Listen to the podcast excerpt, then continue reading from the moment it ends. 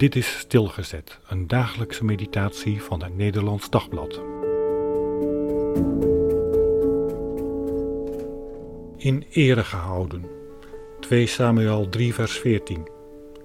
David stuurde ook afgezanten naar Sauls zoon Isbozet met de boodschap: Geef me mijn vrouw Michal terug, die ik als bruid verworven heb voor de voorhuiden van honderd Filistijnen.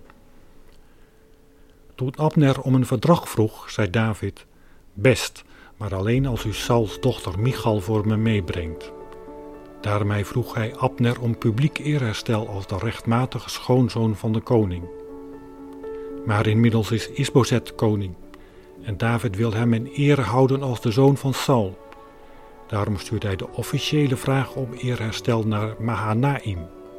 Niet Abner moest namens het huis van Saul het onrecht ongedaan maken, dat moet Isbozet doen.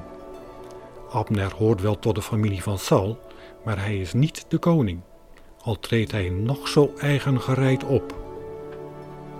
Het gaat David kennelijk niet om winnen. Het gaat hem om rechtvaardigheid, ook bij het herstellen van een jarenlang scheef gegroeide situatie.